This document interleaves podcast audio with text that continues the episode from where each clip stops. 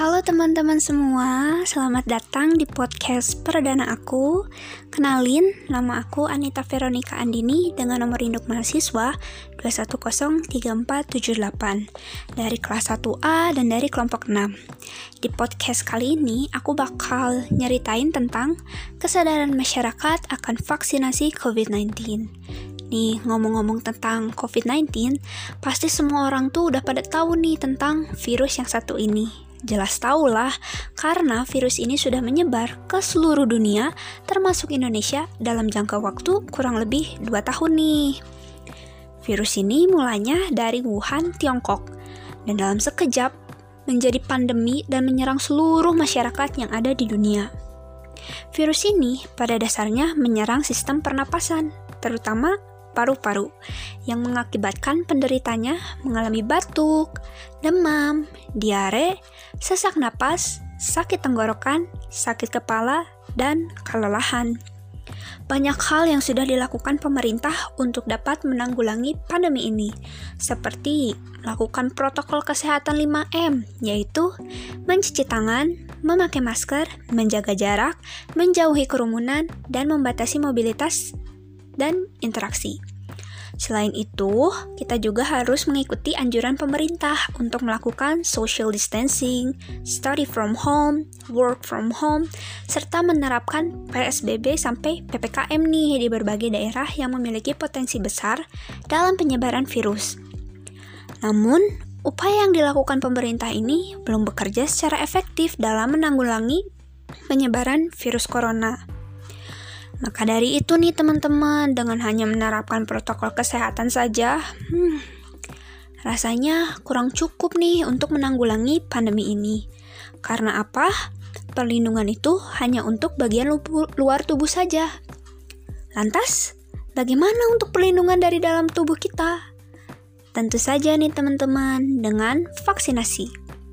Berbicara tentang vaksinasi, di Indonesia ini ada banyak jenis vaksin yaitu yang paling terkenal ada Sinovac, ada AstraZeneca, Moderna, Novavax, Sinopharm, dan BioNTech atau Pfizer. Maaf ya kalau penyebutannya salah. Kalau kalian tanya aku, yang mana sih vaksin yang bagus? Jawaban aku tentu saja semuanya bagus kok.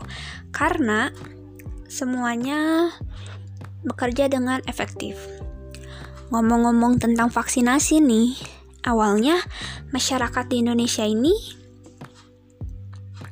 saat kedatangan vaksin ini mencurigai nih bahwa vaksinasi ini akan menimbulkan efek jangka panjang.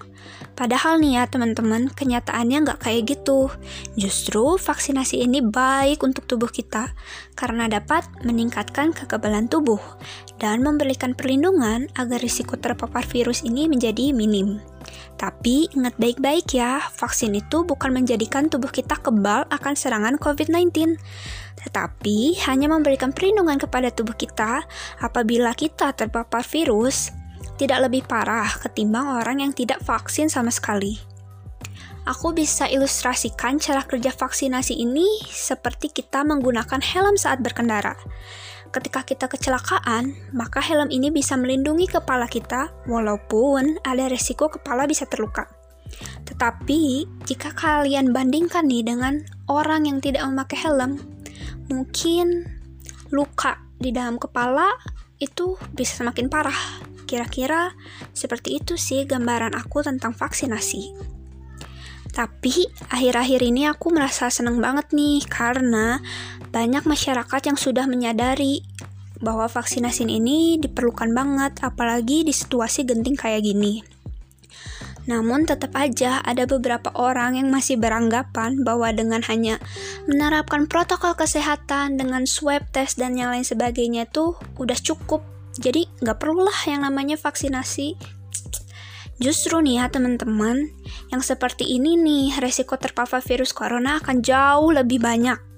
Jadi, saran aku nih ya, kita perlu nih adanya sosialisasi mengenai vaksinasi ini agar masyarakat tuh bisa lebih paham dan tentu saja tidak menyimpulkan sendiri mengenai vaksinasi ini kalau vaksin ini tuh berbahaya dan lain sebagainya. Dan yang terakhir nih teman-teman, tetap jaga pola makan ya, asupan nutrisi, protokol kesehatan juga harus dipakai. Karena tentu aja kalau kita tetap abai terhadap protokol kesehatan walaupun sudah divaksin, sama aja cara kerja vaksinnya ini tuh nggak akan berjalan sesuai yang diharapkan gitu. Jadi, sayangi diri kalian, keluarga kalian, dan orang-orang yang disayang agar mereka dijauhkan dari paparan virus ini. Dan harapan aku sini ke depannya, semoga Indonesia bisa pulih kembali nih dari pandemi supaya bisa beraktivitas seperti setia, sedia kala. Tidak dengan media online. Sekian aja nih podcast hari ini. Mohon maaf apabila ada kesalahan. Terima kasih yang udah dengerin. Sampai jumpa lagi di podcast selanjutnya. Bye bye.